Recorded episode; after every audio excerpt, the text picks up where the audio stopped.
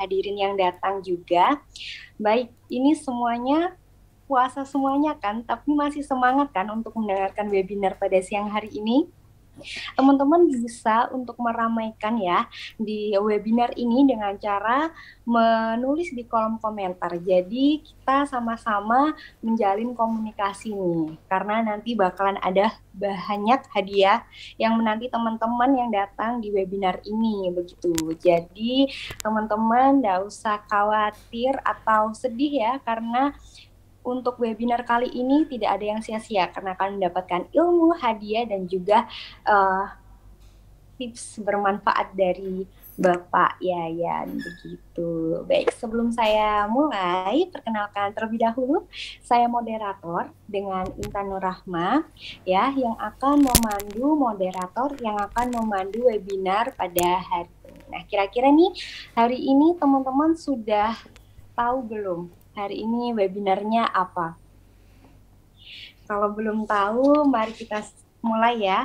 Hari ini akan ada webinar acara penerapan K3 di perusahaan guna mendukung perlindungan tenaga kerja bersama Bapak Yayan. Baik, tepuk tangan online-nya dong, teman-teman. Coba saya lihat lebih dahulu ya.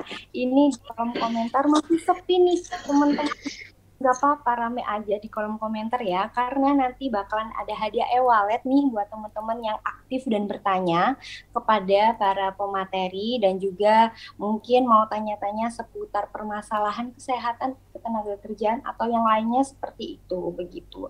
Nah ini kalau boleh tahu nih teman-teman yang hadir di acara webinar ini datang dari mana saja nih? Jauh-jauh ya sepertinya ya. Surabaya, Jambi, Waduh, Wakatobi, waduh mana tuh? Bandung. Baik, semoga bermanfaat untuk webinar kali ini begitu.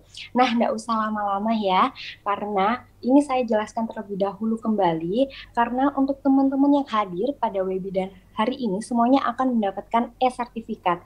Tapi dengan satu syarat, teman-teman harus mengisi link absen ya, jadi jangan sampai ketinggalan untuk mengisi link absensi begitu teman-teman ya nanti untuk link absensi bakalan di share dari petugas Widya Imersif. Nah, itu untuk link absensinya sudah di-share ya teman-teman. Jadi silakan diisi terlebih dahulu supaya teman-teman di sini mendapatkan sertifikat seperti itu. Begitu ya.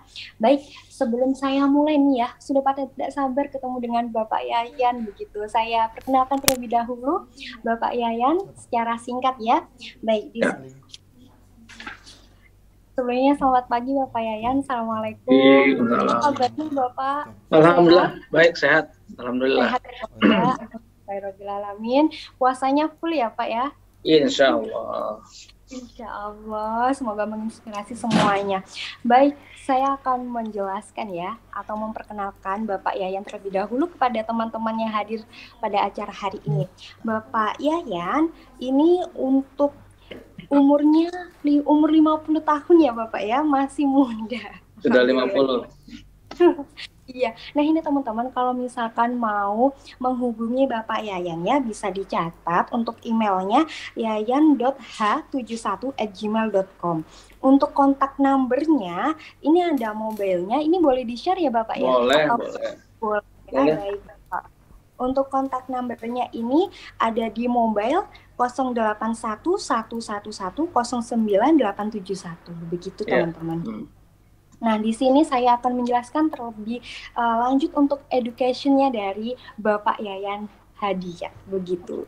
Nah ini yang terbaru nih teman-teman pada tahun 2017 sampai 2021 sekarang Bapak Yayan ini sebagai doktoral candidate of business administration keren sekali bukan teman-teman di Faculty of Administration Brawijaya University begitu. Alhamdulillah berarti sampai saat ini Bapak masih di Pia ya Pak ya kalau sudah sudah lulus uh, bulan Juli tahun lalu sudah lulus. Oh begitu Bapak. Sudah sudah. Sudah lulus berarti saat ini untuk kesibukannya apa Bapak kalau boleh tahu? Saya sebagai CHRO di Napan Group juga dosen ya. di Fakultas Ekonomi dan Bisnis Pakuan Universitas Pakuan Bogor. Ya ya ya baik tepuk tangannya dong untuk dosen Bapak ya dosen juga ya. ya dosen baik masih aktif ya Bapak ya berarti Insya sampai Allah. Insya Allah masih aktif. Iya, ini untuk work experience-nya teman-teman saya jelaskan ya. Ini karena banyak sekali CV-nya ya sampai berlembar-lembar begitu. Tapi ini saya jelaskan satu work experience menurut saya ini yang keren ya. Jadi ini Bapak Yayan sebagai Chief Human Resource Officer atau CHRO ya eksekutif eksekutif vice president director begitu di Napan Group. Benar begitu ya Bapak Iya, ya? iya, betul. Ya, waduh ini jelas menginspirasi teman-teman dan memotivasi teman-teman yang ada di sini nih karena uh, kita semua memang butuh ilmu uh, penerapan K3 di perusahaan ini Bapak Yayan. Jadi nanti bisa dijelaskan ya Bapak Yayan ya. Mungkin Bapak Yayan uh, bisa saya mulai ya Bapak ya? Ya, boleh, boleh langsung. Baik Bapak, ini kebetulan Bapak uh, saya jelaskan terlebih dahulu K3 ini apa sih? Karena kan mungkin banyak teman-teman di sini yang belum tahu K3 itu apa begitu kan. Nah, K3 itu adalah keselamatan dan kesehatan kerja begitu. Nah, segala bentuk kegiatan untuk menjamin dan melindungi keselamatan dan kesehatan tenaga kerja melalui upaya pencegahan kecelakaan kerja dan penyakit akibat kerja kesehatan. Nah, ini teman-teman uh, meskipun banyak orang melihat K3 ini sangat kayak nggak uh, penting ya, tapi ini sangat penting buat teman-teman kita gitu sebagai tenaga kerja ini harus diperhatikan begitu mumpung ada Bapak Yayan sebagai pemateri nanti teman-teman bisa mengajukan pertanyaan nanti akan ada sesinya sendiri ya jadi ditahan dulu begitu baik Bapak ini menurut Bapak Yayan ketiga menurut Bapak Yayan ini apa sih Pak boleh dijelaskan nih kepada teman-teman kita hmm. Oke, baik. Bismillahirrahmanirrahim. Assalamualaikum warahmatullahi wabarakatuh. Selamat siang ya, salam sehat semuanya. Selamat berpuasa bagi yang menjalankan. Ya, mudah-mudahan kita mendapatkan hikmah ya dari berpuasa. Oke, uh, materi materi ini kan materi yang mungkin uh, common ya. Banyak orang bicara safety, tapi karena pelaksanaannya ini yang yang apa uh, dianggap nomor sekian lah, gitu ya saya sudah siapkan materi sebenarnya saya sudah kirimkan juga ke panitia ya. Tolong di share ke peserta ya. jadi supaya mendapatkan gambaran utuh ya. Jadi tentang safety ini bukan uh, sekedar apa uh, menangani orang celaka gitu. Bukan sekedar uh, apa alat pelindung diri gitu ya. Bukan sekedar uh, istilahnya apa training gitu ya. Tetapi ini kan culture. Makanya saya sangat appreciate ya judul dari uh, webinar ini adalah peran HRD ya, dalam uh, memperkuat ya mungkin memperkuat atau menerapkan ya budaya K3. Oke. Okay? Nah, K3 itu kan sama dengan HR, dengan accounting ya, sama itu. Ya, artinya sebuah konsep yang kemudian diturunkan menjadi sebuah uh, apa uh, sistem dan praktek gitu saya akan ambil dari sisi HRD-nya ya. Saya kebetulan uh, eh, HR ya memang uh, tergantung perusahaannya ya. Ada yang uh, HR itu membawahi safety, ada yang tidak ya. Tetapi tetap ujung-ujungnya di HRD ya. Nanti kalau ada apa-apa itu terus di HRD. Jadi uh, lebih besarnya gambaran umumnya bagaimana kita peran kita di HRD ya di uh, HR dalam menerapkan budaya K3. Ini ada dua kata, budaya dan K3 tadi definisi Ibu atau Mbak Intan sudah sampaikan ya. Kita mengacu uh, secara letterless ada di Undang-Undang 1 tahun 70. Itu jelas, itu clear ya. Sampai sekarang pun turunan-turunannya ada tapi uh, definisinya tetap gitu. Jadi menyangkut kesehatan ya kemudian uh, sakit akibat kecelakaan kerja dan sebagainya. Jadi itu Mbak Intan. Jadi uh, dua kata itu yang sebenarnya saya uh, saya ada ada materi ya soal culture. Culture itu apa sih gitu ya? Soalnya banyak banyak bicara misalnya gini, uh, training K3, kenapa masih banyak yang accident? Kenapa masih banyak near miss gitu? Near miss itu hampir celaka gitu ya. Kalau kita lihat di jalan tol gitu ya, di jalan tol tuh sebelum masuk pintu tol tuh ada tuh, ya ada statistik, ada statistik uh, apa namanya uh, kecelakaan, ya jumlah kecelakaan berapa, yang meninggal berapa. Itu sama dengan eh, penelitian yang dilakukan oleh Hendricks tahun 30-an gitu ya. Jadi ada memang eh, ini suara saya ada ya? Ada. tidak nge suara saya ada? Ada ya? Oke. Saya takutnya nge saya Mbak kok nggak bergerak ini. Halo? Jelas ya? Oke, jadi itu ya. Jadi uh, statistik saya izin saya aja sebentar ya karena ini uh, tolong di ini uh, apa ke Mbak Intan saya bisa di uh, izin untuk multi share bisa? Nah, bentar di multi apa? sebentar. Halo. Baik Bapak. Halo. Iya. Ya, tolong di, di ini Maaf, saya dijadikan begitu. Ah, di multi share ya, biar saya bisa share. Iya, baik. Bapak. Ya. Bapak ya ya. Ya, ini ya. sebelum dilanjut Bapak akan ada video menarik dari media imersif terkait K3 ini dan Oke, bisa oke, mungkin nanti untuk setelah video ya Bapak ya. Baik, silakan, ya, silakan untuk tim yang mau share. Ya, ya ini dia video menarik ya dari media imersif kepada teman-teman. Silakan ditonton terlebih dahulu ya karena ini bakalan menarik. Nanti jika ada pertanyaan bisa ditanyakan setelah penayangan video berikut ini. Bentar bentar bentar bentar aku kok nggak bisa share video Nov? Tak bapak tak share anu chat chat anu chat chat suruh aku jadiin anu suruh aku jadiin suruh aku jadiin suruh aku jadiin host suruh aku jadiin host. Bentar. Hmm? iya salah aku. Sebentar bentar.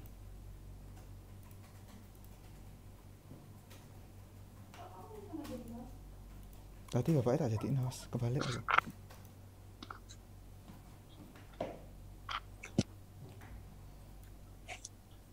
baik sambil menunggu video ditayangkan ya. Ini teman-teman kira-kira sudah menyimpan beberapa pertanyaan atau belum nih teman-teman? Sudah ya, baik. Ini disimpan pertanyaan karena hadiah atau memang karena keperluan nih teman-teman?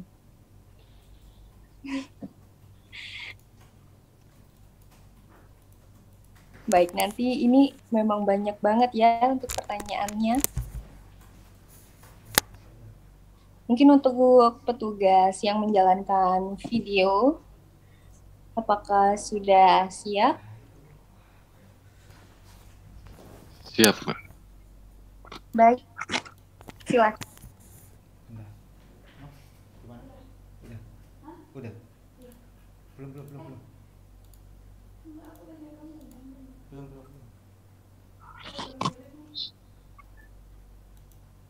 belum.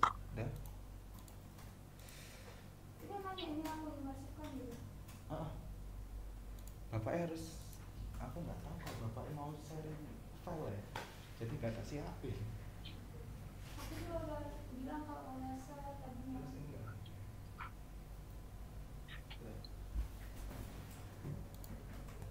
udah?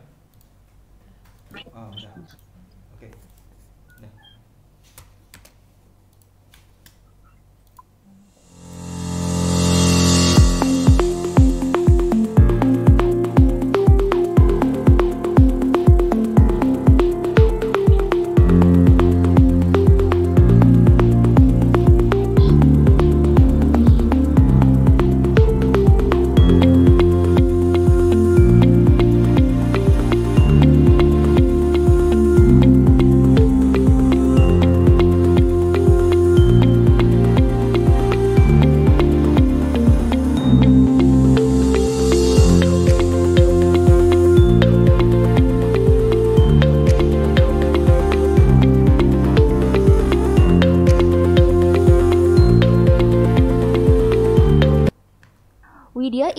merupakan sebuah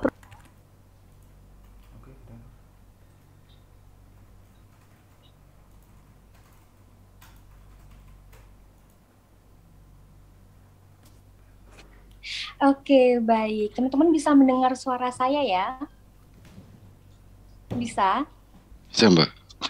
Baik, ini tepuk tangannya dong secara online ya. Keren sekali video penayangannya K3. Sangat memberikan kita ilmu ya bahwa K3 ini memang sangat penting. Tujuannya memang ini untuk memberikan produktivitas kerja ya kepada teman-teman karyawan atau pekerja gitu sebagai sharing antara HRD dengan masyarakat dan membantu menyelesaikan masalah tentunya. Jadi nanti tidak usah khawatir teman-teman bisa sharing permasalahannya di webinar kali ini begitu. Baik, ini bisa dilanjutkan kepada Bapak Yayan untuk menjelaskan tadi ya yang mau dijelaskan oleh Bapak Yayan. Sepertinya akan menarik sekali. Bapak Yayan, bisa mendengarkan suara saya? Oke, oke, bisa, bisa. Baik. Bapak Yayan ini mau share materi ya Bapak ya? Ya, saya hanya dua tiga slide aja. Tolong di oh, ini disable iya, dulu saya saya di uh, supaya bisa share multi iya. dibagi multi. Ya teman-teman bisa dibantu Bapak Yayan agar bisa menampilkan slide-nya ya, teman-teman. Atau dari situ juga boleh kalau memang ini saya nggak bisa sharing soalnya nih. Sudah, sudah, sudah. Iya, baik Bapak.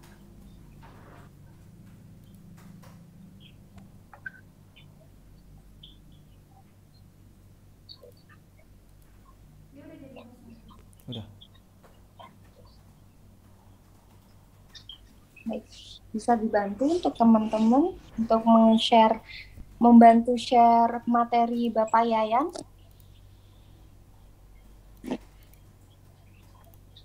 Nah, saya udah bisa nih, udah bisa sebentar.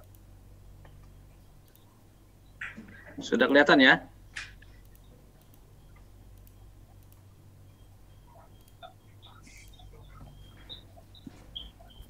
Oke, ini sudah terlihat ya? Baik teman-teman, harap diperhatikan ya. Jadi okay. untuk pertanyaan-pertanyaan akan kita tanya terlebih dahulu. Ya baik, silahkan Bapak Yayan. Oke, okay, saya sekilas saja ya. Secara statistik ini uh, mungkin sekarang menurun ya karena ada pandemi ya. Jadi orang sekarang mungkin ada WFO dan WFH gitu ya. Tetapi lihat trennya itu uh, dari tahun 2001 aja kan kelihatan ya itu uh, ada kenaikan. Jadi memang kita ukuran yang paling mudah adalah uh, biasanya fatality ya kejadian yang sampai uh, terjadinya meninggal dunia. Bisa dilihat itu ya dari data yang di bawah ini ya itu kan dua persen totalnya dari uh, jumlah kecelakaan ini ya. Jadi ini misalnya dibandingkan dengan ini gitu ya. Kemudian ini 3000 dengan ini. Itu rata-rata kalau saya hitung itu dua persenan ya dua sampai tiga persen. Jadi memang itu seperti uh, penelitian dari Henrich ya. Ini kalau bapak lihat gitu ya ini jadi hati-hati misalnya. Jadi kalau kita di lapangan ini mungkin teman-teman yang yang sudah terbiasa tahu ada namanya uh, di, the, apa segitiga Hendrich ya.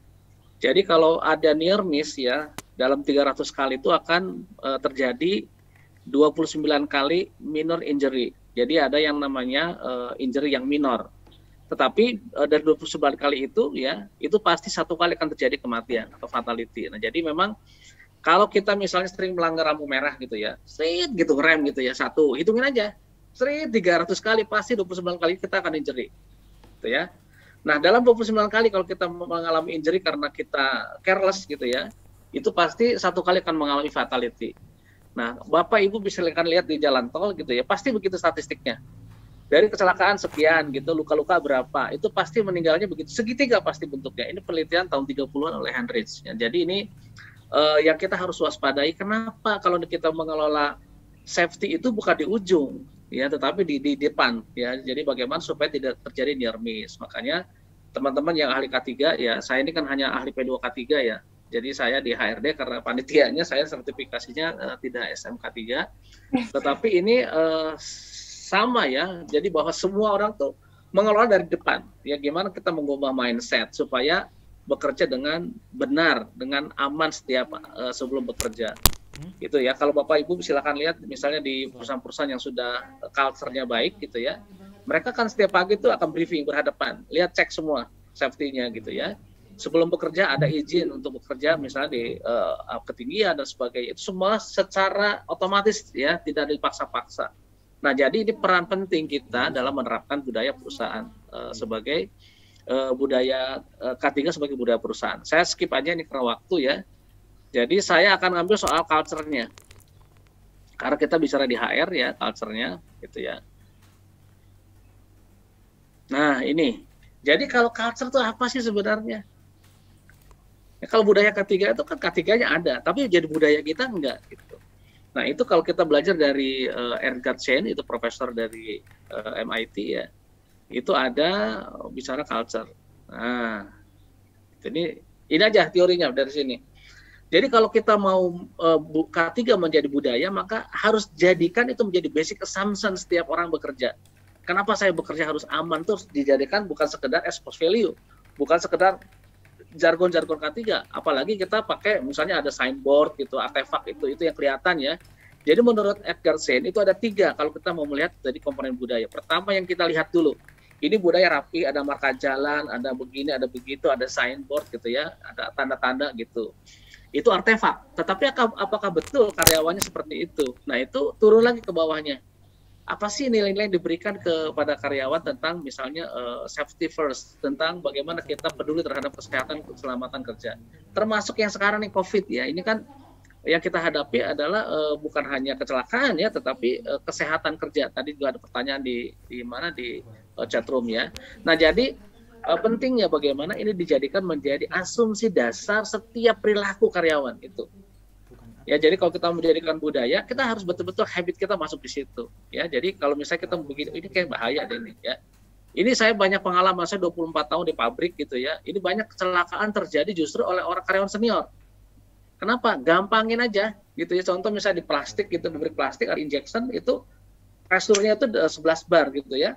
Waktu dia misalnya ada ada perbaikan di obeng itu dicekek itunya tuh selangnya. Karena dipikir dia saya udah ahli gitu ya. Dia lupa kalau kita konsentrasi ke sini ini menjadi lemah. Akhirnya dia lepas tangannya blak itu pecah tuh bapak uh, jari. Banyak sekali ya saya sampai mengangkat orang di yang celaka pun udah udah sering saya. Jadi ini memang justru careless inilah. Ya kenapa kok masih terjadi celaka? Kita lihat statistik di Indonesia tadi masih naik tuh sebelum 2021 kenapa karena ini belum jadi mindset kita ini habit kita dalam bekerja. Contoh misalnya kalau di perusahaan-perusahaan saya eh, lima tahun bekerja di sel Samsung ya di grup Samsung. Mereka makan aja tertib itu. Gak pakai disuruh itu. Lap sendiri semuanya habis makan taruh mana yang kotor-kotor. Kenapa di kita kok susah gitu? Saya begitu masuk ke perusahaan uh, national company lagi susah lagi itu jadi memang ada sistem yang harus dibangun ya berkaitan dengan K3 bagaimana kita uh, menjadikan K3 sebagai uh, kebutuhan sebagai uh, apa namanya Eh, kita bekerja. Jadi bekerjalah benar dan aman sejak awal. Ketika dari rumah udah jelas tuh, ya kita udah niat ibadah, Bismillah kita bekerja. Ya harus aman gitu. Kita kembali lagi ditunggu oleh keluarga kita di rumah. Itu mungkin Bu Intan ya sebelum uh, jawab, saya kira uh, saya hanya kasih ininya aja gitu ya, karena uh, topik kita adalah budaya ya. Dan sekali lagi bukan hanya kecelakaan, tetapi justru kesehatan. Ya, kenapa? Karena kesehatan tuh efeknya tuh justru ya bisa ke keluarga dibawa pulang dan sebagainya itu yang perusahaan juga harus secara rutin ya kita setahun sekali mungkin kalau yang uh, chemical itu setahun sekali harus melakukan check up gitu ya kita lihat nih gimana nih dampaknya gitu yang misalnya dari industri-industri yang uh, yeah. terpapar uh, kimia gitu Intan ya pengantarnya ini udah banyak sekali pertanyaannya soalnya di uh, kita nanti ya, diskusikan ya. Silakan Mbak Intan. Iya, ini perlu digarisbawahi ya Bapak ya, karena memang benar kata Bapak Yan, mindsetnya harus diubah, bekerjalah secara aman dan benar, begitu ya Bapak ya, agar tidak ya, terjadi betul. kesalahan. Jadi teman-teman jangan sengaja begitu jangan, karena bakalan menyakiti dan berdampak besar gitu. Jadi mindsetnya harus ya dirubah dulu nih teman-teman ya. Begitu, baik. Teman-teman, sebelum saya mau bertanya sekali lagi nih ke Bapak Yayan. Nah, ini untuk programnya Bapak. Nah, ini program yang mendukung K3 di perusahaan ini kira-kira programnya apa saja ya Bapak ya? Ya, kalau... Kalau contoh programnya Bapak. Ya gini ya, kalau kalau yang sudah uh, diatur di dalam uh, peraturan misalnya ya ada ada P2 K3 itu pasti perangkat-perangkat harus ada ya panitia ya untuk penyelenggaraan uh, K3 di perusahaan. Kalau dari manajemennya ada SMK 3 itu harus dilaksanakan. Tetapi semua itu orang ngejar audit semua. waktu di audit yang penting saya ada gitu. Absensinya ada training ada. Kembali lagi kok masih ada accident? Kok masih ada orang misalnya uh, paru-parunya misalnya ya hasil itunya uh, kesehatannya check upnya kok banyak yang uh, terpapar dan sebagainya. Nah jadi kembali sebenarnya kita menjadi uh, basic assumption nggak buat perusahaan juga safety contoh misalnya di grup kami ya ketika kami uh, terjadi pandemi kami tahu bahwa ini pasti problem nih kita langsung jemput karyawan ke rumah gitu. Ini contoh ya kita mau tidak mau kita mengeluarkan uh, budget untuk uh, jemputan tuh. Karena kita juga tahu bahwa kontaminasi itu bisa terjadi di lapangan waktu itu lagi tinggi-tingginya ya, lagi tinggi-tingginya Covid tahun lalu ya, termasuk saya pun kena gitu ya. Jadi memang uh, kita harus betul-betul uh, jadi bukan sekedar jargon gitu ya uh, apa programnya. Kalau yang kecil-kecil ya tadi ya, jadi safety talk setiap hari sebelum bekerja ada lima menit briefing seputar tentang safety. Itu kecil tapi itu uh, mengingatkan ya. Oke, semua kita mulai bekerja ya tolong lihat semua safety sus dan sebagainya ya e, seperti itu itu safety talk gitu ada safety patrol kita akan mengkeliling tuh audit secara berkala instrumen itu kembali lagi kalau hanya kita hanya uh, apa fashion aja kita hanya bahwa kita punya gitu ya kita ada daftar hadir ada apa ya kembali lagi itu uh, efeknya nggak nggak menjadi basic buat perusahaan. Jadi bagaimana menanamkan ini? Menanamkan menjadi uh, habit kita di dalam bekerja secara aman dan sehat gitu Mbak Itan. Gitu ya. Kita mungkin dari itu uh, pertanyaan banyak nih Bu Intan ya sudah banyak angkat tangan ya, juga. banyak banget. Ini mungkin bisa saya pilih atau Bapak Yayan mungkin melihat pertanyaan menarik bisa langsung dijawab hey, Bapak mungkin. Nah ini pertanyaan pertama Pak Suhandi. Saya bantu memilihkan pertanyaan Bapak. Ya Pak Suhandi nih ya, Pak dari Suhandi ya, Pak ya. Uh -uh, coba itu kan soal digitalisasi nih. Ya, betul ya. Dengan diterapkan sistem digitalisasi, ya perusahaan tentu saja tidak terlepas dengan adanya K3. Ya, nah, apakah ke depan perusahaan semakin ketat dalam menerapkan K3? Ini termasuk oleh Depnaker, Bapak, ya. Jadi Pak uh, Suhandi, sekarang Depnaker sedang menyusun ya untuk 4.0 ini ya tentang uh, apa sistem dan praktek K3, Pak. Karena sekarang sudah mulai uh, apa uh, orang tidak tidak di tempat kerja bekerja kadang di mana-mana nih ya jadi mesti gimana kita safety manajemennya ya sekarang kan banyak perusahaan sudah menerapkan WFO secara eh, WFH secara permanen nih ada kombinasi ini gimana kita supaya mereka bekerja aman di mana-mana jadi memang sekarang eh, Depnaker sendiri Kemenaker sedang menyusun pak eh, guidance-nya untuk eh, K3 di era digital ya itu Pak. Kalau dari masukan dari saya ya bagaimana caranya nanti Pak. Nah justru productivity-nya itu menjadi tugas kita sebagai HRD ya. Karena sekarang kita nggak bisa lagi menggunakan rigid tentang uh, performance management system. Kita harus sudah mulai uh, agile. Yaitu gimana caranya gitu ya. Jadi dua-duanya ya productivity pertanyaan Pak Suhandi ini dengan ketiganya. Kalau ketiganya pasti Pak, ini kan tantangan buat uh, Kemenaker ya menyusun tata laksana dan tata kelola safety ya dan health itu berkaitan dengan era digital 4.0. Itu Bu Intan untuk Pak Suhandi. Iya, Bapak, terima kasih. Baik, ini untuk sesi pertanyaan kepada Bapak pemateri Bapak Yayan ya. Tolong ditahan dulu karena ini akan ada beberapa pertanyaan kembali dari ya, datang ya. dari saya teman-teman ya, begitu. Nah, ini Bapak, mungkin hambatan yang selama ini dialami dalam memantau kesehatan karyawan itu apa aja sih Pak? Mungkin bisa dijelaskan ke teman-teman juga. Oke, okay, hambatan yang paling krusial ya, itu adalah dari perusahaan ya. juga. Banyak dari perusahaan. Tidak semua perusahaan punya memiliki kesadaran dan punya memang niatan ya. Ini masih banyak perusahaan yang sudahlah yang penting kerja kerja kan begitu. Ada juga Pak ya, misalnya sampai uh, orang lembur ya sampai berjam-jam gitu ya itu kan juga ada ada ada batasan lembur kenapa orang sudah lelah pasti ya karena sampai pagi lanjut lagi sampai siang itu yang akhirnya juga dari si perusahaan harusnya bisa dilakukan uh, apa pengaturan yang lebih uh, baik ya.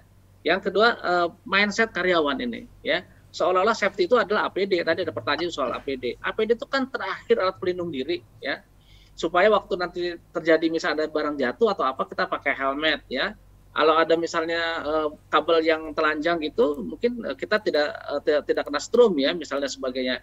Itu adalah terakhir kalau terjadi apa-apa. Tetapi kembali adalah mindset cara bekerja contoh misalnya ada kejadian di pabrik itu jatuh dari tangki. Dia tahu kan har uh, harusnya pakai tangga. Kenapa nggak pakai tangga? Udah biasa pak. Kan begitu. Ini mindset. Dan itu bukan karyawan baru. Yeah. karyawannya udah lama. Dia pikir gampang lah. Dia nggak tahu bahwa kemampuan kita tuh terbatas ya. Memegang itu akhirnya kan jatuh juga dia di situ. Banyak juga dia suruh pakai sarung tangan nggak pakai. Dia lupa pak pegang pipa panas itu yang uh, apa di boiler. Nah jadi kan banyak sekali kasus-kasus yang sebenarnya kalau di hambatan itu satu dari perusahaan tentang manajemennya ya soal kesungguhan benar-benar perlu nggak nih bahwa mereka itu safety itu menjadi utama bagi kita ya yang kedua adalah mindset karyawan itu dua itu menurut saya paling pokok mbak Intan Iya. Kalau misalkan nih Bapak, kira-kira dampaknya apa sih Pak kalau misalkan HRD ini tidak memantau kesehatan karyawan itu seperti apa Pak? Kira-kira dampaknya besar nggak Pak kira-kira bagi Bapak? Pasti.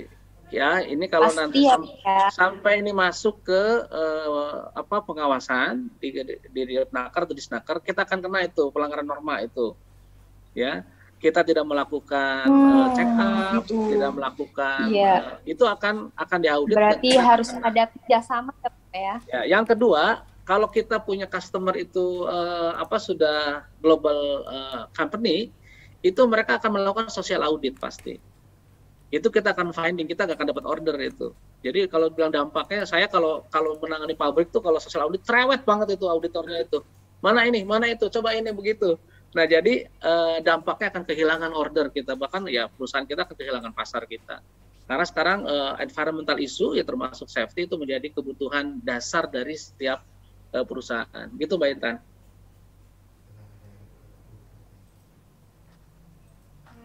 Iya baik Bapak, berarti memang harus ada kerjasama ya Pak. Harus, kalau enggak kita kena semua. karyawan dan HRD iya. karena juga ini untuk melindungi dari audit, begitu kan ya, Pak ya? salah satunya, kan iya, itu kebutuhan baik. kita, eh, tata kelolanya harus baik ya. Mm -mm, iya Bapak. Iya, kalau secara singkatnya Bapak, untuk ya. mengedukasi karyawan yang bandel ini kira-kira gimana Pak? Oh ya, jadi memang eh, sanksi itu hanya diberikan kepada orang yang melanggar. Ingat ya. Jadi kalau orang masih oke okay, iya. dia lalai, dia lupa gitu, itu kan beda ya. Tetapi kan nggak boleh keseringan. Itu namanya keplas kalau dia iya, contoh iya. misalnya. Saya pernah itu dikasih di pabrik dia uh, bawa forklift itu uh, ngebut gitu ya.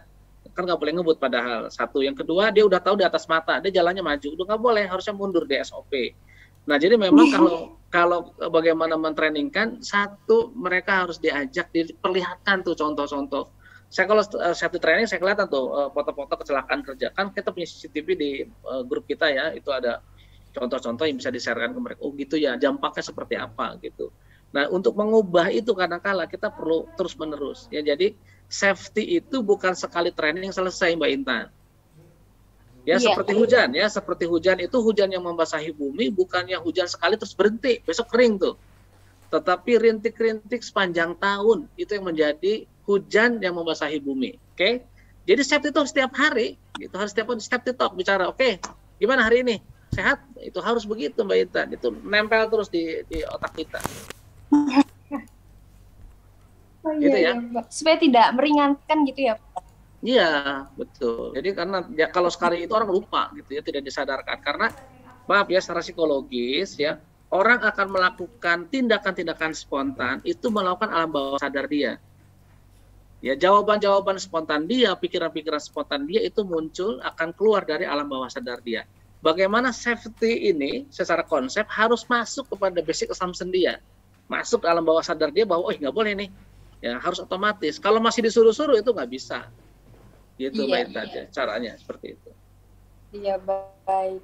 Ya enggak apa-apa. Memang harus kinerja sebagai HRD juga harus seperti itu ya Pak ya. Dan harus, juga kita harus masuk ke situ. harus perhatikan juga. Nggak bisa harus uh, apa namanya lalai gitu karena kan lupa sama sengaja itu beda tipis ya pak ya. Ya. Tapi mudah-mudahan teman-teman yang ada di sini semuanya tetap menjaga K3-nya ya begitu. Baik pak, kira-kira bapak Yayan ini sudah mendengar mengenai WIS dashboard monitoring? Hmm, saya pernah pernah dengar itu untuk tracing gitu ya untuk monitoring yeah. tentang kesehatan karyawan itu pernah, tapi saya belum mau pernah tahu ya secara aplikasi itu seperti apa? Ya. Nah, itu menurut Bapak seperti apa, Pak? E, dengan adanya WIS dashboard monitoring ini, membantu atau sebaliknya, Bapak? Oke, kebetulan di 8 grup ini kita membuat Pak Bu. Jadi sendiri ada kita punya HRIS, kita tempel tuh waktu COVID kemarin ya. Jadi setiap ada yang masuk langsung input siapa yang tracing semua. Cuman kan masih sistemnya web based kita masih apa? Tetapi uh, setiap atasan langsung tahu siapa hari ini akan tracing gitu. Itu sangat membantu apalagi aplikasinya uh, friendly ya. Semua orang bisa dari HP dan sebagainya itu uh, akan lebih mudah menurut saya. Ya, itu sangat membantu sekali. Saya melakukan di sini uh, terbatas ya karena di grup sendiri gitu ya. Iya, Bapak. Nah, ini kebetulan dari Widya Imersif akan menampilkan sebuah video mengenai bis dashboard monitoring. Nah, kira-kira teman-teman di sini sudah pada tahu belum ya bis dashboard monitoring? Kalau belum tahu, kita saksikan bersama-sama ya video bis dashboard monitoring dari Widya Imersif. Baik, silahkan untuk videonya ditayangkan.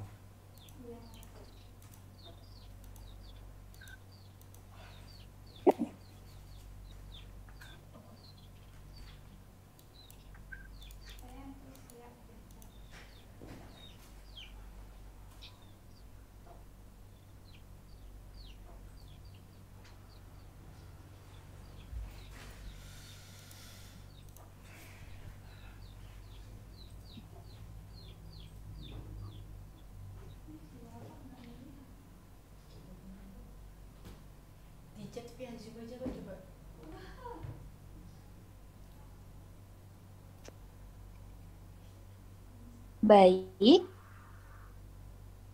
Sambil menunggu videonya diputar nih teman-teman, sebelumnya sudah pada tahu bis help dashboard monitoring belum? Suaranya hilang. Oh, belum baik. Suara saya masuk ya, teman-teman.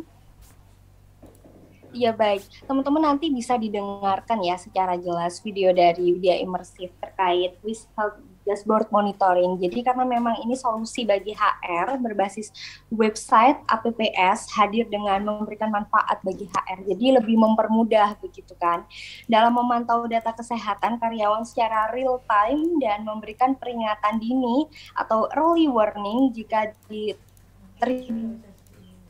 jadi keadaan abnormal terhadap kesehatan karyawan. Karena memang kan kesehatan sangat penting ya teman-teman. Meskipun kita bekerja sangat keras tapi kita harus ingat kesehatan kita juga begitu. Dengan adanya bisa dashboard monitoring ini teman-teman bisa membantu ya membantu untuk mengetahui kesehatan para karyawan begitu. Dan ini lebih mempermudah. Jadi nanti bisa ditanyakan kepada teman-teman dia imersif ya kalau misalkan teman-teman ingin mengetahui informasi lebih lanjut begitu. Di sini pada puasa semuanya. Jangan lupa untuk menulis absen di link yang sudah disediakan ya oleh tim Widya Imersif. Jadi nanti untuk teman-teman yang hadir join di webinar kali ini akan mendapatkan e-sertifikat semuanya ya, tapi harus mengisi link, ab link absensi. Jadi teman-teman yang belum mengisi link absensi silakan untuk mengisi link absensi terlebih dahulu ya. Dan teman-teman jangan lupa karena akan hadiah e-wallet ya untuk nominalnya ini masih disembunyikan, tetapi teman-teman harus aktif dan bertanya. Ya. harus harus aktif dan bertanya ya teman-teman jangan jangan uh, aktif tetapi menulis komentar-komentar yang rusuh jangan jadi kita di sini santai aja mendengar webinar dari Pak Yayan dan mendengarkan, melihat video-video menarik yang ditampilkan oleh Widya Imersif, tapi harus kondusif juga ya untuk situasinya. Jadi teman-teman bisa memberikan pertanyaan terkait keluhan-keluhan teman-teman yang ada mungkin ya sambil kita menunggu video karena videonya ini akan menarik jadi tolong ditunggu dengan sabar. Begitu teman-teman. Ada pertanyaan ini Mbak Mbak Intan ya. Gimana kalau misalnya ya, karyawan? Ini pertanyaannya sudah banyak sekali menumpuk Bapak. Ya. Jadi saya pilih-pilih uh, aja yang tadi kan beberapa sudah. Akan ada. Iya, boleh. Oke. Dari Pak Rohili. Sudah dipilih oleh Bapak ya ya. Nah, Pak Rohili Sarbini Banten ya tentang APD ini beberapa ada bertanya soal APD. APD itu basic harus disiapkan oleh perusahaan ya. Ya cuma kadang-kala kan karyawan gitu alasan belum dikasih pas sepatunya. Padahal sepatu kemarin kan ada ya.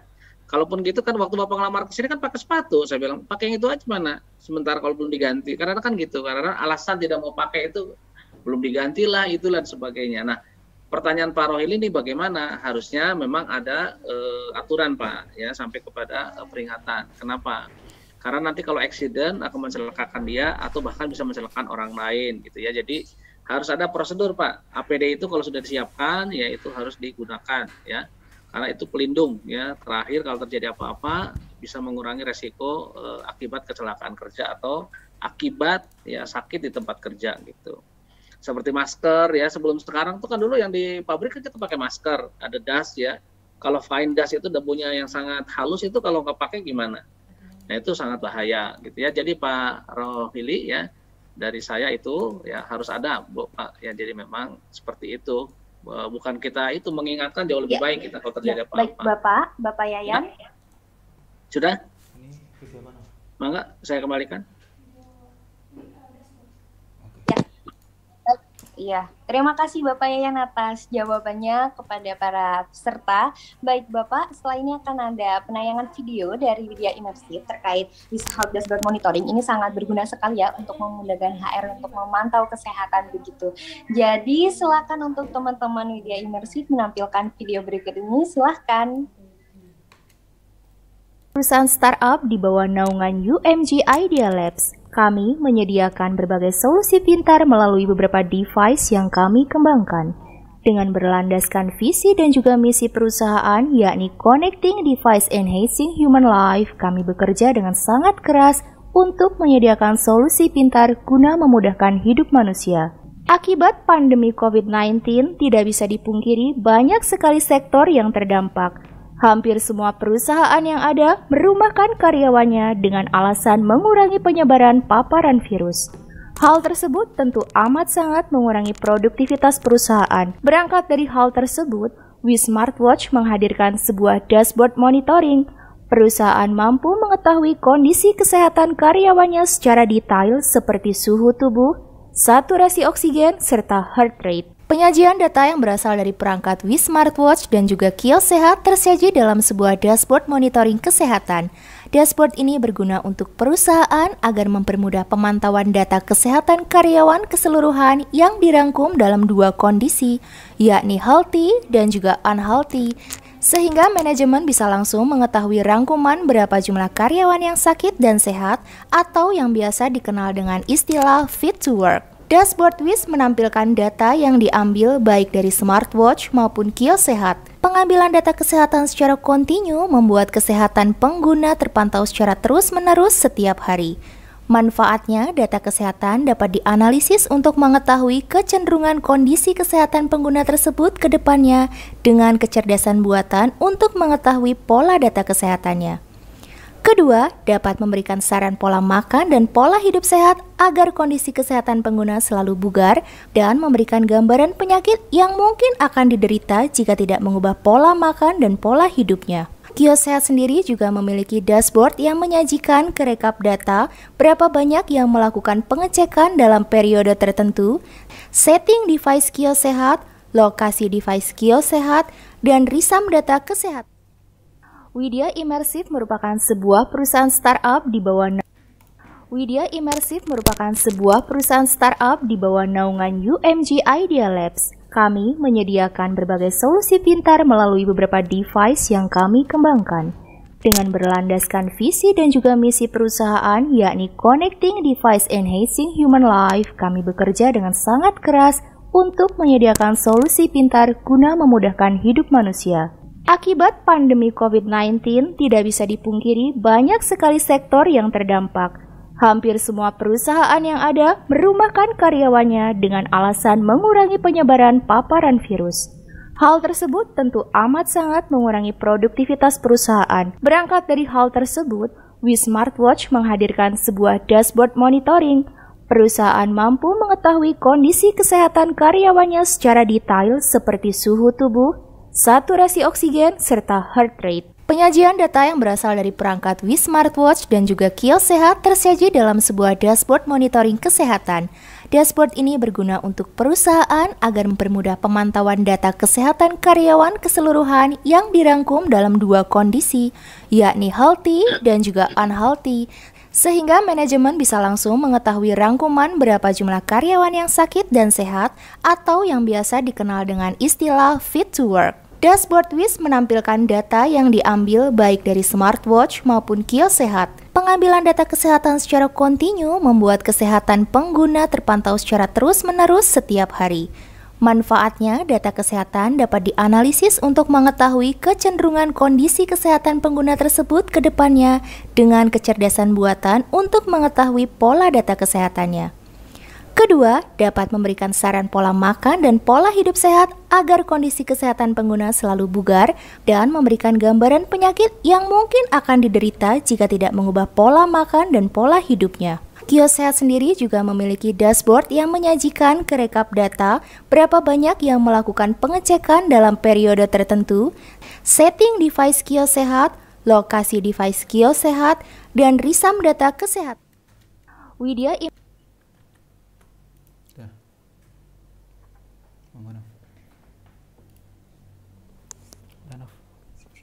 Oke, terima kasih banyak untuk video imersif penampilan video yang sangat menarik terkait with health dashboard monitoring. Nah, ini saya jelaskan terlebih lagi ya supaya teman-teman lebih memahami apa itu with health dashboard monitoring. Jadi ini merupakan solusi bagi HR berbasis website, apps, hadir dengan memberikan manfaat bagi HR dalam memantau data kesehatan karyawan secara real time ya teman-teman bisa dipahami ini secara real time dan memberikan peringatan dini atau early warning jika terjadi keadaan abnormal terhadap kesehatan karyawan. Nah ini teman-teman bisa uh, mengetahui bahwa sebelum terjadi ya early warning ini akan diberikan notifikasi seperti itu.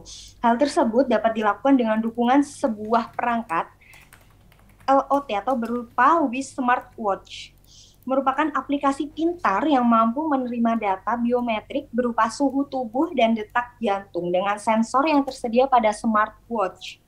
Mampu melakukan kalkulasi oksigen dalam darah dan tekanan darah. Selanjutnya, Wish Health Kiosk merupakan self-service medical check-up dengan beberapa fitur yaitu suhu tubuh, tekanan darah, kadar oksigen dalam darah, lemak tubuh, hemoglobin, dan kadar gula. Kedua LOT tersebut dapat menampilkan data-data kesehatan karyawan dalam bentuk grafik dan memberikan notifikasi sehat maupun kurang sehat yang dapat dipantau melalui health dashboard monitoring. Berarti ini sangat benar-benar kemajuan yang sangat pesat ya. Widya imersif keren banget buat uh, website apps berupa Wiz Health Dashboard okay. Monitoring karena ini mempermudah ya menjadi solusi kita semua agar kesehatan kita terpantau begitu. Jadi uh, jangan selain kita harus websitenya harus dengan mempunyai mindset bekerja dengan benar dan aman, kita juga harus menanggulangi mempunyai solusi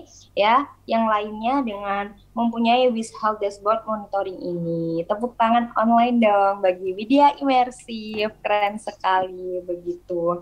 Nah, setelah ini akan ada pertanyaan ya yang dipilih oleh teman-teman Widya Imersif untuk ditanyakan kepada Bapak Yayan. Jadi, setelah ini akan saya uh, bantu untuk menanyakan kepada Bapak Yayan ya teman-teman. Jadi siap-siap untuk pertanyaan yang dipilih oleh uh, teman-teman Widya Imersif begitu.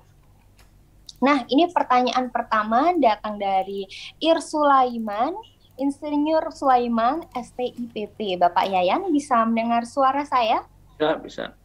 Ya, baik Bapak. Ini untuk pertanyaannya, mengapa peran HRD memiliki peran yang sangat penting dalam penerapan K3 di perusahaan baik sesuai dengan undang-undang maupun peraturan turunannya? Baik, silakan dijawab Bapak Yaya sudah pertanyaannya. Oke, jadi ini kan soal uh, people management ya. Jadi safety itu kan instrumennya, ya konsepnya. Kalau terjadi kita juga yang akan jadi uh, apa concern kita ya ada yang sakit yang celaka ya keluarganya ya itu concern kita semua jadi kenapa menjadi uh, concern HRD memang itu kita sebagai uh, human resources ya. Jadi kita yang mengelola sumber daya manusia ya. Jadi uh, kita bukan sekedar nanti jadi urusan kita ya. Pastilah orang celaka kita urus sampai klaimnya dan sebagainya gitu ya. Tetapi lebih dari itu ya kita menjaga produktivitas, karyawan sehat bekerja itu kan kita. Makanya banyak yang uh, safety itu yang digabungkan dengan HR. Ada juga yang terpisah karena mereka ingin strategi uh, safety lebih lebih tinggi lagi sendiri. Ada yang begitu ya. Jadi kalau apa hubungannya juga ada ada beberapa korelasi. Saya kira pertanyaan apa sih korelasinya dengan HRD? Yaitu kita menyangkut orang gitu. Orang tuh ada di situ ya. Kalau manusia itu ada fisiknya, ada hatinya, ada perasaannya, kan kita menjaga fisiknya juga gitu, perasaannya juga gitu ya. Keluarganya tenang di rumah gitu ya dan sebagainya. Nah, termasuk saya nih sorry ya, saya akan beberapa nih karena waktu ya, saya ambil beberapa pertanyaan ya. Uh, soal ya. bagaimana juga uh, gimana kalau perusahaan uh, sulit untuk mengadakan APD misalnya. Apakah harus dilaporkan? Ya kalau dilaporkan perusahaan sendiri gitu ya. Tetapi kita lebih baik mengedukasi pelan-pelan dan memang kita juga tahu budget itu terbatas. Oleh karena itu kita lakukan prioritas, Pak. Satu safety sus pasti itu ya karena itu kan banyak ya bisa keinjak, bisa apa ketiban dan sebagainya. Kedua adalah sarung tangan, masker itu paling penting, yang paling penting. Yang lain-lain mungkin bisa bertahap setelah ada budgetnya baru kita lakukan. Nah jadi memang e, harus dari dalam pak ya kalau kita laporkan ya kita sendiri nanti apalagi di undang-undang barang siapa loh kita juga kena sebagai HRD nanti gitu ya jadi lebih baik menurut saya kita lakukan perlahan-lahan ya eh, mana yang bisa dilakukan dulu yang ketiga soal perempuan ini bagaimana safety eh, yang menyangkut dengan perempuan? Nah perempuan juga sama itu hati-hati. Ya ada pengawasan tuh dari Depnaker misalnya ter ketersediaan ruang untuk uh, misalnya uh, laktasi gitu ya. Itu harus ada. Yang kedua juga gini contoh cuti melahirkan. Karyawan kadang-kadang mengambilnya adalah nanti aja pas mau lahir baru cuti, begitu ya? Oke, ya. jadi dia ambil tiga bulan ke depan. Menurut undang-undang tidak boleh. Sebelum satu setengah sebelum satu setengah setelah, gitu ya. Kenapa? Karyawan juga ingin uh, supaya saya bisa asinya full. Ya kalau gitu siapkan ya, ruang asinya di, di kantor dan kulkasnya disiapkan gitu. Jadi sebenarnya bisa diambil solusi. Kenapa kalau orang uh, maaf ya hamil besar gitu ya, uh, itu kan bahaya dia kalau uh, naik tangga turun naik bis gitu ya. Jadi lebih baik dicutikan satu setengah sebulan sebelum uh, melahirkan. Jadi ini kan kadang-kadang gimana kita korelasi itu melindungi perempuan. Nah kebanyakan perempuan mengambil cuti di ujung itu kenapa? Karena ingin asinya penuh pada anaknya. Nah kalau begitu, kalau kita mau menerapkan aturan satu setengah sebelum dan setengah sesudah, kita siapkan juga fasilitas laktasi untuk perempuan. Ini kalau enggak temuan juga bagi di snacker loh hati-hati. Ya jadi kita juga mesti lah siap juga. Itu saya rangkum beberapa ya. Jadi uh, tadi Bu Bu Intan ya karena waktu nih. Maka silakan ya. kembalikan ya baik Baik Bapak, untuk pertanyaan kedua datang dari Rizka Rohma Silviana dari Purwakarta. Saya ingin bertanya kepada Bapak Yayan, bagaimana konsep perusahaan dalam menerapkan konsep K3 di era digitalisasi dengan berkembangnya alat atau mesin serta teknologi baru yang beresiko berbahaya bagi para karyawan. Sampai saat ini, seberapa jauh perusahaan untuk mengedukasi para karyawan terkait penerapan K3 ke depannya? Tadi sudah dijelaskan sedikit ya Bapak ya, mungkin ini... Uh, iya, untuk menjelaskan secara singkat saja tidak Bapak-Bapak untuk meng-highlight okay. pertanyaan. Kalau sebenarnya kan semakin digitalisasi, semakin kita uh, justru sedikit bersentuhan dengan mesin sebenarnya. Ya dari sisi risiko sebenarnya semakin kecil kalau digitalisasi. Kayak contohnya sekarang misalnya di mesin kertas gitu, di mesin uh, plastik atau di mesin uh, panel kayu gitu ya itu kan land mereka itu kan bahaya itu ya. Ada yang pisau ada yang macam-macam gitu ya. Itu yang semua mekanistik diotomatisasi kemudian kita masuk di control room itu lebih aman. Semua dilihat di komputer semua pak gitu ya. Jadi sebenarnya secara secara teori itu harusnya lebih lebih kecil resikonya. Karena kita bersentuhan dengan digital aja gitu. Nah cuman kan ada juga beberapa pekerjaan yang berpotensi besar. Oleh karena itu biasa dari safety kita ada namanya assessment risk assessment mana yang paling uh, tinggi potensi uh, apa uh, apa unsafety conditionnya. Nah oleh karena itu penting itu dengan adanya digitalisasi dengan adanya otomatisasi justru bergeser nih bahayanya ke mana nanti. Nah ini ya di lapangan itu seperti misalnya engine control ya mesin-mesin yang terbuka harus ditutup oleh cover gitu itu yang berbahaya.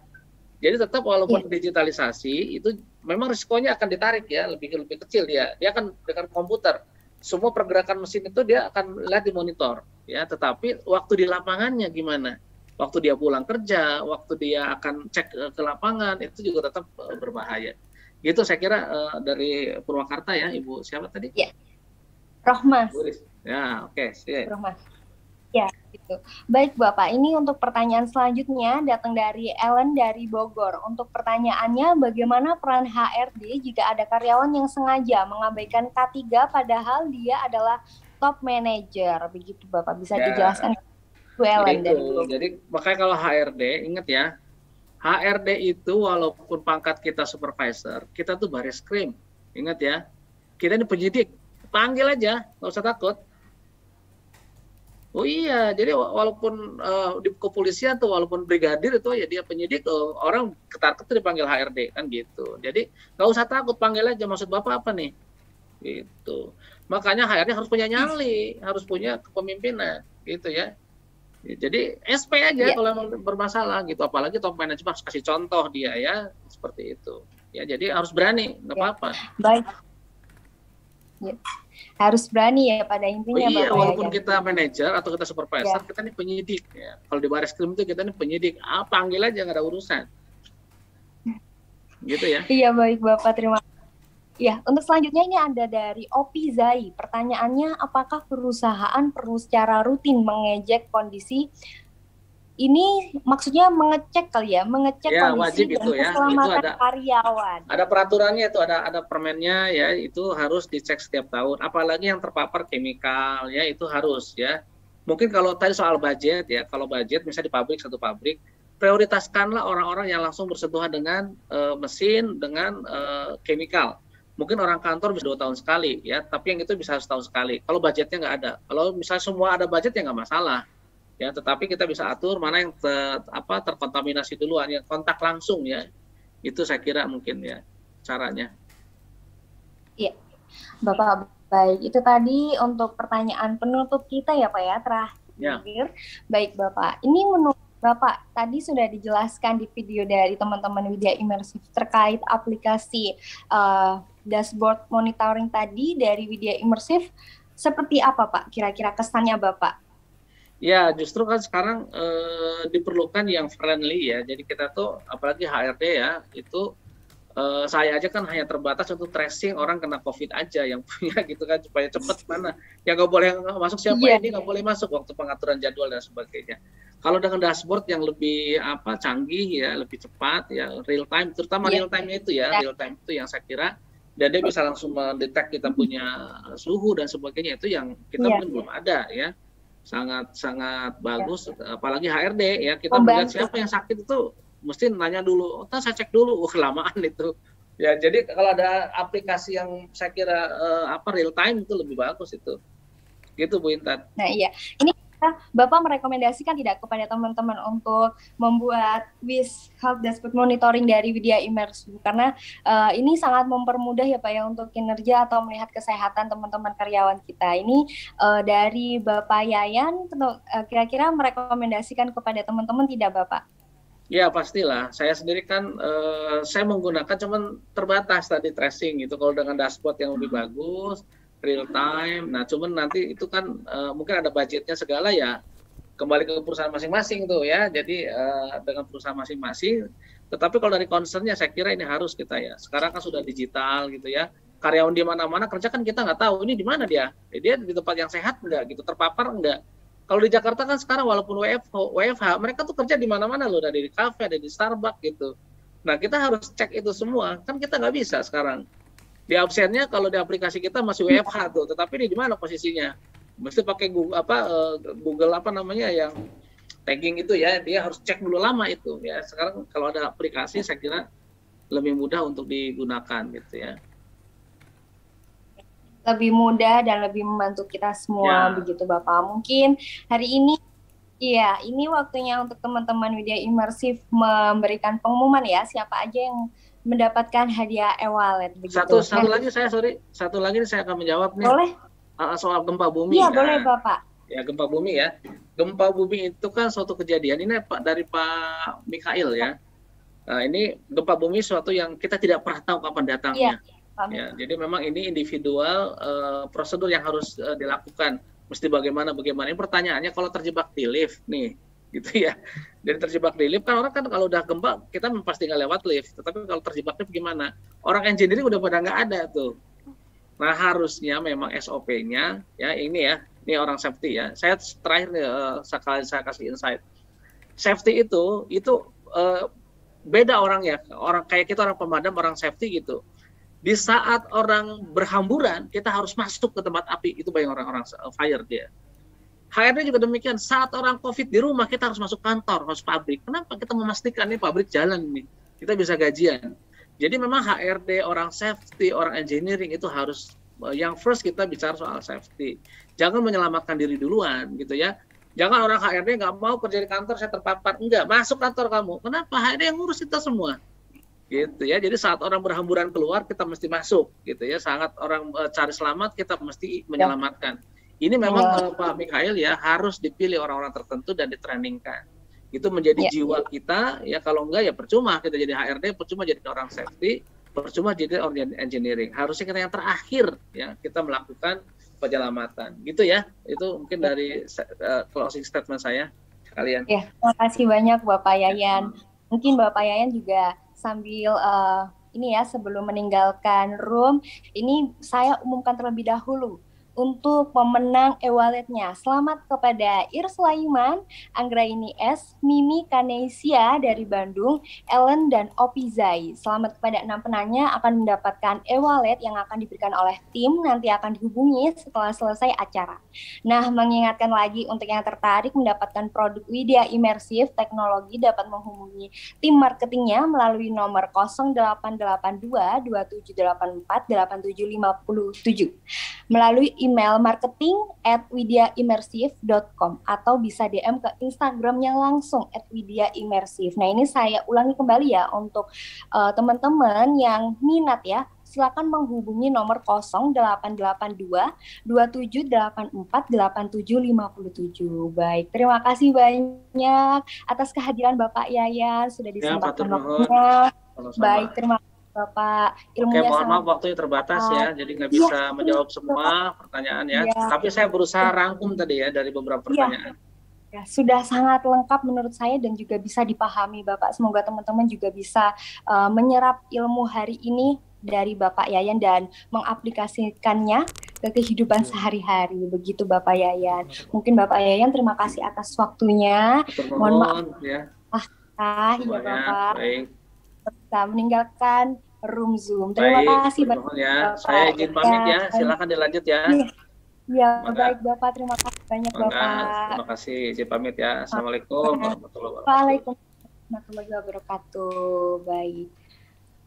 Baik, terima kasih juga kepada teman-teman yang sudah hadir dan berpartisipasi dalam acara webinar K3 kali ini yang diadakan oleh Widya Imersif ya. Boleh tepuk tangan online-nya dong kepada Widya Imersif keren sekali dan membuat teknologi terbaru ya dari uh, yang mempermudah atau menjadi solusi kita semua ya dari aplikasinya tadi with dashboard monitoring. Nah, semoga teman-teman juga bisa uh, juga minat ya kepada teknologi terbarunya karena itu akan membantu di kesehatan kita selanjutnya. Jadi nggak hanya COVID aja, tetapi untuk untuk penyakit-penyakit lainnya juga bisa terdeteksi dari aplikasi tersebut begitu. Dan juga selamat kepada pemenang-pemenang e-wallet dan teman-teman yang hadir dalam webinar kali ini akan mendapatkan e-sertifikat ya secara gratis. Dan jangan lupa absensinya diisi untuk mendapatkan e-sertifikat. Nah, absensinya sudah dikirim ya oleh teman kita dari Widya Imersif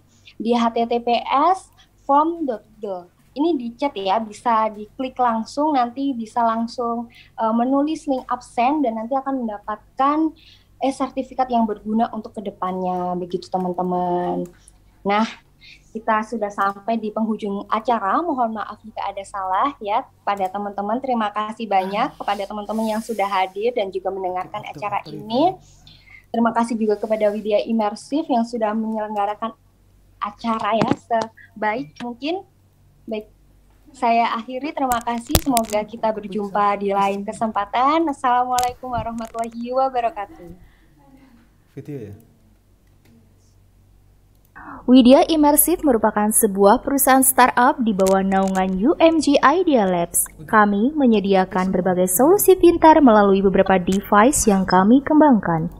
Dengan berlandaskan visi dan juga misi perusahaan, yakni Connecting Device Enhancing Human Life, kami bekerja dengan sangat keras untuk menyediakan solusi pintar guna memudahkan hidup manusia. Akibat pandemi COVID-19, tidak bisa dipungkiri banyak sekali sektor yang terdampak. Hampir semua perusahaan yang ada merumahkan karyawannya dengan alasan mengurangi penyebaran paparan virus. Hal tersebut tentu amat sangat mengurangi produktivitas perusahaan. Berangkat dari hal tersebut, We Smartwatch menghadirkan sebuah dashboard monitoring. Perusahaan mampu mengetahui kondisi kesehatan karyawannya secara detail seperti suhu tubuh, saturasi oksigen, serta heart rate. Penyajian data yang berasal dari perangkat Wii Smartwatch dan juga kios sehat tersaji dalam sebuah dashboard monitoring kesehatan. Dashboard ini berguna untuk perusahaan agar mempermudah pemantauan data kesehatan karyawan keseluruhan yang dirangkum dalam dua kondisi, yakni healthy dan juga unhealthy, sehingga manajemen bisa langsung mengetahui rangkuman berapa jumlah karyawan yang sakit dan sehat atau yang biasa dikenal dengan istilah fit to work. Dashboard WIS menampilkan data yang diambil baik dari smartwatch maupun kios sehat. Pengambilan data kesehatan secara kontinu membuat kesehatan pengguna terpantau secara terus-menerus setiap hari. Manfaatnya, data kesehatan dapat dianalisis untuk mengetahui kecenderungan kondisi kesehatan pengguna tersebut ke depannya dengan kecerdasan buatan untuk mengetahui pola data kesehatannya. Kedua, dapat memberikan saran pola makan dan pola hidup sehat agar kondisi kesehatan pengguna selalu bugar dan memberikan gambaran penyakit yang mungkin akan diderita jika tidak mengubah pola makan dan pola hidupnya. Kios Sehat sendiri juga memiliki dashboard yang menyajikan kerekap data berapa banyak yang melakukan pengecekan dalam periode tertentu, setting device kios sehat, lokasi device kios sehat, dan risam data kesehatan. Aplikasi WIS digunakan untuk mengkoneksi antara smartphone dan smartwatch. Aplikasi WIS ini digunakan untuk mengumpulkan data dari perangkat smartwatch dan kios sehat. Data yang terekam hanya data penggunaan tersebut, sehingga aplikasi ini ditujukan untuk penggunaan pribadi. Fitur unggulan aplikasi WIS di antaranya yang pertama, pengambilan data kesehatan dari smartwatch serta dapat melakukan pengukuran kesehatan dari aplikasi dan memberikan notifikasi status kesehatan secara real time.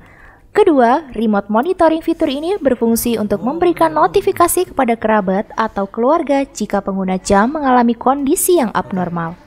Ketiga, telekonsultasi dengan dokter memudahkan pengguna untuk berkonsultasi langsung dengan tim dokter setelah mengetahui data kesehatan melalui chat langsung dengan dokter. Wii Smartwatch dilengkapi dengan dua sensor yaitu sensor detak jantung dan juga suhu tubuh, sehingga memungkinkan Wis bisa digunakan untuk mengukur detak jantung, suhu tubuh, dan juga oksigen dalam darah. Konsep kios sehat ini hampir sama seperti ATM, namun dalam kios sehat, aktivitas yang dilakukan pengguna adalah pengambilan data kesehatan dan hasil data kesehatannya dapat diakses melalui aplikasi Wish. Prinsipnya, kios sehat menyatukan berbagai alat kesehatan sehingga dapat dilakukan pengukuran. Di antaranya tinggi badan, berat badan, tekanan darah, ah, suhu tubuh, oksigen dalam darah, gula darah, Widya Fatmore dilengkapi dengan dashboard monitoring. Perusahaan dengan ratusan bahkan ribuan karyawan dapat dengan mudah memantau suhu tubuh dan juga pemakaian masker seluruh karyawan. Proses shifting, kelengkapan piranti pekerjaan dengan mudah dapat didapatkan reportnya melalui Fatmore Dashboard Monitoring. Semua produk yang kami kembangkan dapat dengan mudah dipelajari melalui website widiaimmersive.com. Apabila diperlukan konsultasi serta demo lebih lanjut, customer care kami akan siap membalas serta merespon Anda 24 jam. Widya Immersive merupakan sebuah perusahaan startup di bawah naungan UMG Idea Labs. Kami menyediakan berbagai solusi pintar melalui beberapa device yang kami kembangkan. Dengan berlandaskan visi dan juga misi perusahaan, yakni Connecting Device Enhancing Human Life, kami bekerja dengan sangat keras untuk menyediakan solusi pintar guna memudahkan hidup manusia. Akibat pandemi COVID-19, tidak bisa dipungkiri banyak sekali sektor yang terdampak, Hampir semua perusahaan yang ada merumahkan karyawannya dengan alasan mengurangi penyebaran paparan virus. Hal tersebut tentu amat sangat mengurangi produktivitas perusahaan. Berangkat dari hal tersebut, We Smartwatch menghadirkan sebuah dashboard monitoring. Perusahaan mampu mengetahui kondisi kesehatan karyawannya secara detail seperti suhu tubuh, saturasi oksigen, serta heart rate. Penyajian data yang berasal dari perangkat We Smartwatch dan juga kios sehat tersaji dalam sebuah dashboard monitoring kesehatan. Dashboard ini berguna untuk perusahaan agar mempermudah pemantauan data kesehatan karyawan keseluruhan yang dirangkum dalam dua kondisi, yakni healthy dan juga unhealthy, sehingga manajemen bisa langsung mengetahui rangkuman berapa jumlah karyawan yang sakit dan sehat atau yang biasa dikenal dengan istilah fit to work. Dashboard WIS menampilkan data yang diambil baik dari smartwatch maupun kios sehat. Pengambilan data kesehatan secara kontinu membuat kesehatan pengguna terpantau secara terus-menerus setiap hari. Manfaatnya, data kesehatan dapat dianalisis untuk mengetahui kecenderungan kondisi kesehatan pengguna tersebut ke depannya dengan kecerdasan buatan untuk mengetahui pola data kesehatannya. Kedua, dapat memberikan saran pola makan dan pola hidup sehat agar kondisi kesehatan pengguna selalu bugar dan memberikan gambaran penyakit yang mungkin akan diderita jika tidak mengubah pola makan dan pola hidupnya. Kios Sehat sendiri juga memiliki dashboard yang menyajikan kerekap data berapa banyak yang melakukan pengecekan dalam periode tertentu, setting device kios sehat, lokasi device kios sehat, dan risam data kesehatan. Aplikasi WIS digunakan untuk mengkoneksi antara smartphone dan smartwatch. Aplikasi WIS ini digunakan untuk mengumpulkan data dari perangkat smartwatch dan kios sehat. Data yang terekam hanya data penggunaan tersebut, sehingga aplikasi ini ditujukan untuk penggunaan pribadi.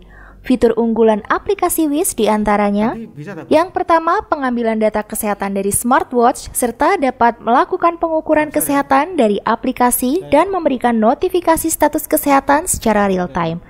Kedua, remote monitoring fitur ini berfungsi untuk memberikan notifikasi kepada kerabat atau keluarga jika pengguna jam mengalami kondisi yang abnormal.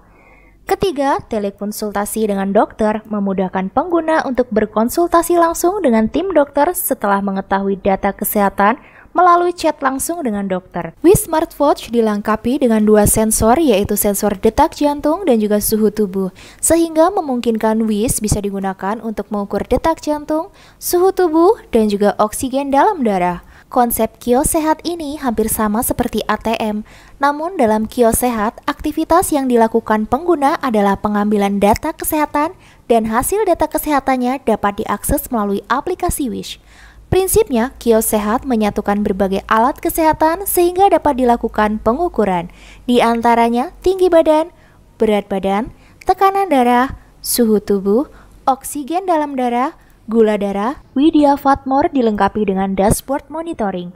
Perusahaan dengan ratusan bahkan ribuan karyawan dapat dengan mudah memantau suhu tubuh dan juga pemakaian masker seluruh karyawan. Proses shifting, kelengkapan piranti pekerjaan dengan mudah dapat didapatkan reportnya melalui Fatmore Dashboard Monitoring. Semua produk yang kami kembangkan dapat dengan mudah dipelajari melalui website widyaimmersive.com.